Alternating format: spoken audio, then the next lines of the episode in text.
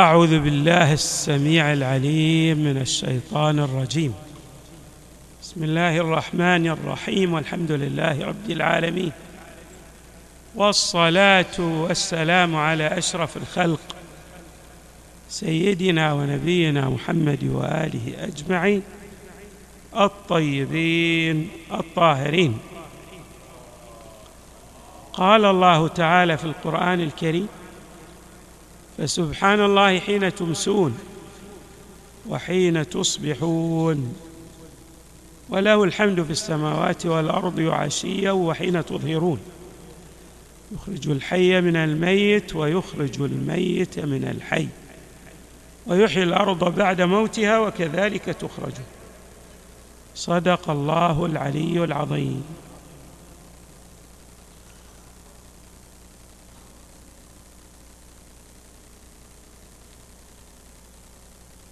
الأعمال في شهر رجب. الأصاب كثيرة ومتعددة. ومن أهم الأعمال التي جاءت في شهر رجب الصوم. وقد ورد في فضله ما تذهل منه العقول من الثواب الجزيل والأجر العظيم. أحد الرواه دخل على الإمام الصادق عليه السلام في أواخر شهر رجب. بقيت من شهر رجب أيام.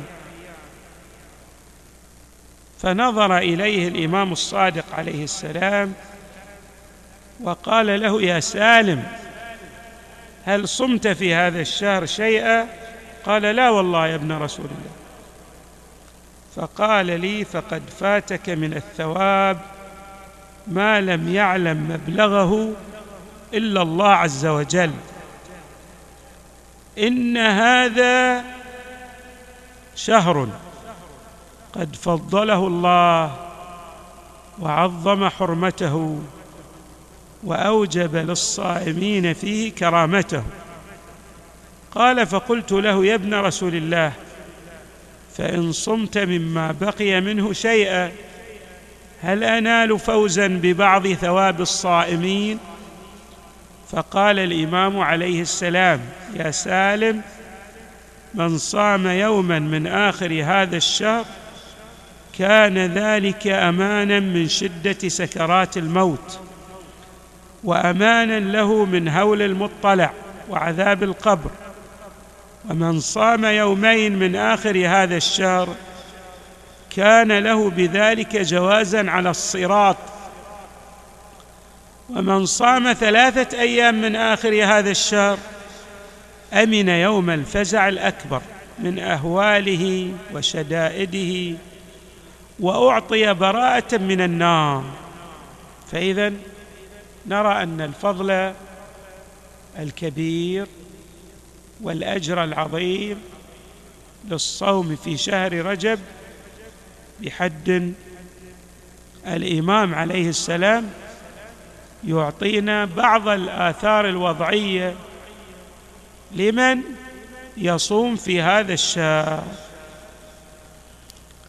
الراوية يقول للإمام عليه السلام طيب من لم يقدر على الصوم هناك أناس لهم أعذار. عنده مرض عنده ابتلاء عنده ظروف خاصة ما يستطيع أن يصوم. عند مناسبات اجتماعية قد تكون في آخر الشهر. تلزمه بالإفطار. كيف يحظى بهذا الأجر الجزيل؟ والثواب الكبير. الإمام عليه السلام يعطينا أيضا عدلا للصوم. يقول إن للصوم عدلا. يستطيع من لم تؤاتيه الظروف أن يأتي بعدل الصوم. ما هو عدل الصوم؟ التسبيح. وما أدراك ما التسبيح. الإمام يقول من لم يستطع الصوم في شهر رجب بإمكانه أن يسبح الله تعالى في كل يوم مئة تسبيحة. بهذه الكيفية يقول سبحان الإله الجليل. سبحان من لا ينبغي التسبيح إلا له. سبحان الأعز الأكرم. سبحان من لبس العز وهو له أهله. فإذا كرر هذا التسبيح مئة مرة ينال أجر الصائم.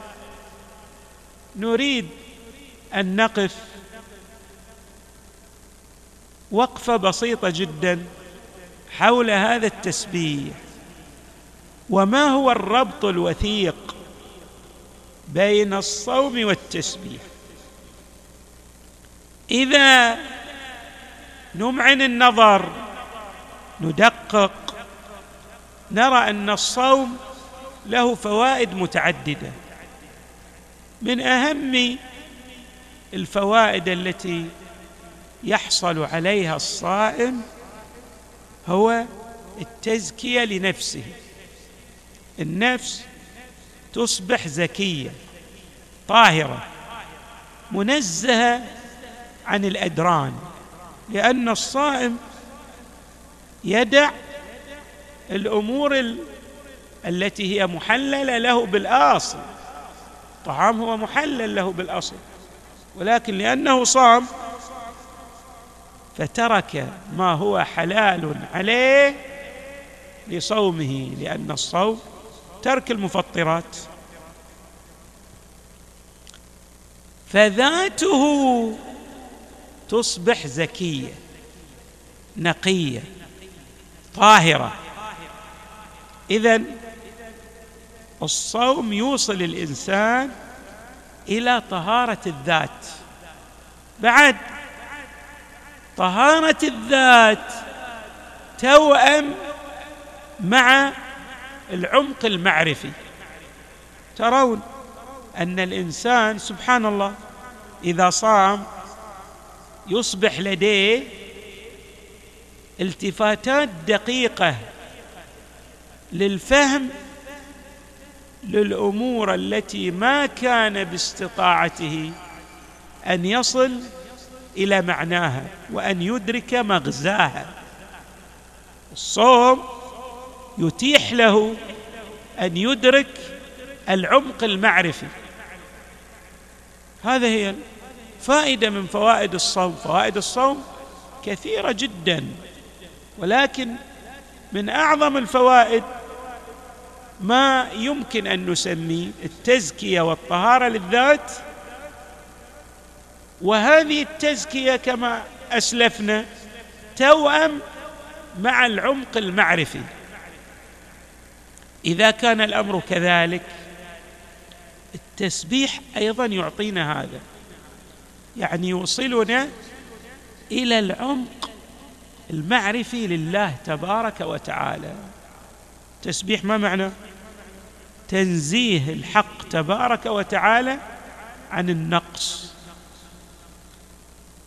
المسبح لله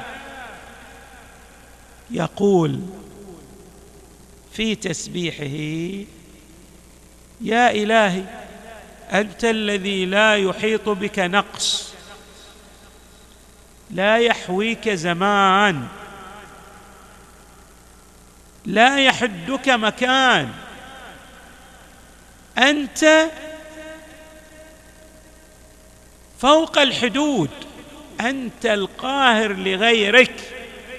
فاذا التسبيح يعطي المسبح العمق المعرفي الذي هو يلتقي متقاطعا مع الصوم. كما أن الصوم ينزه ذات الإنسان عن الأدران ويوصل الإنسان إلى العمق المعرفي كذلك يلتقي التسبيح مع الصوم في هذا العمق العرفاني.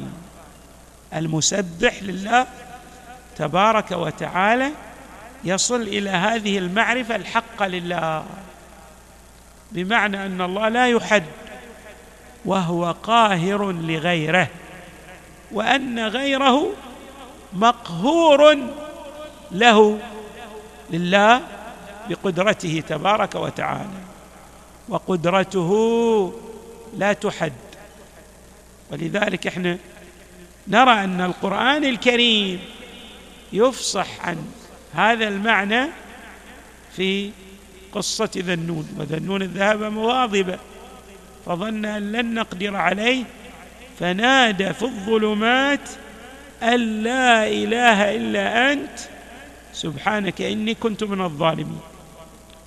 لو كان شخص غير يونس ما راح يدرك هالمعنى.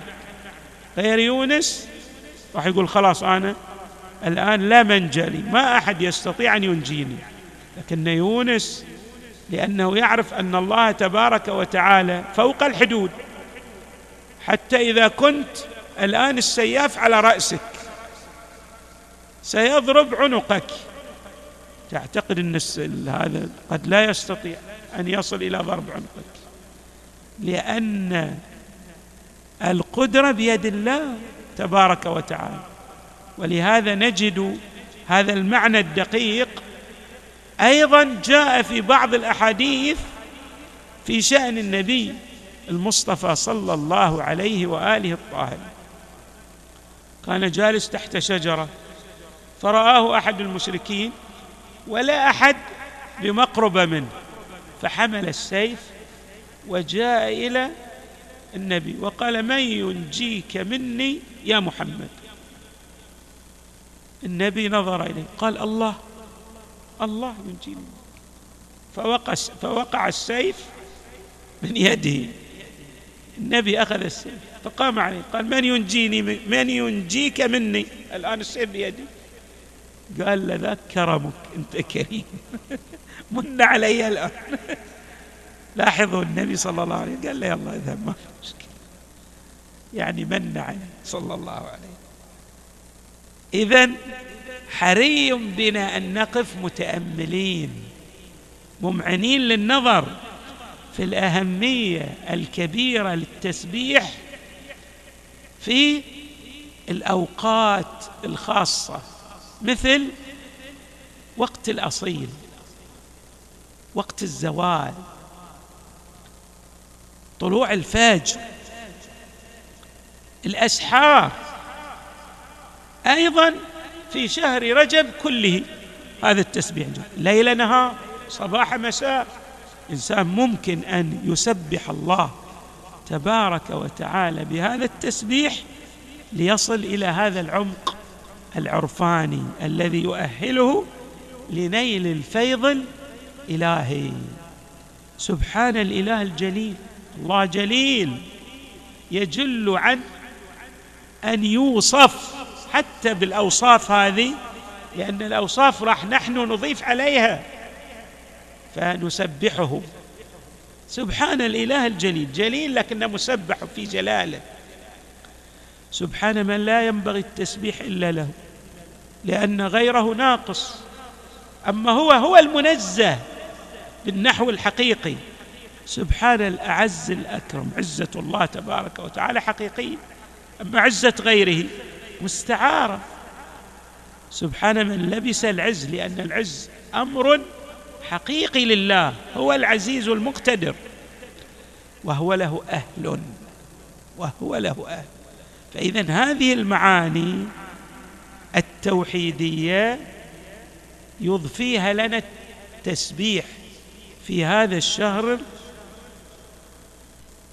أغر الاصب رجب. فعندما لا يستطيع الإنسان أن يصوم لظروف خاصة كما أسلفنا فبإمكانه أن يحصل على فوائد الصوم من خلال هذا التسبيح كما جاء في هذه الرواية عن إمامنا الصادق عليه السلام. نسأل الله عز وجل أي يؤتينا يعطينا فضلي الصوم والتسبيح وأن يجعلنا مع محمد وآله البررة الميامين في الدنيا والآخرة. وصلى الله وسلم وزاد وبارك على سيدنا ونبينا محمد وآله أجمعين الطيبين الطاهرين.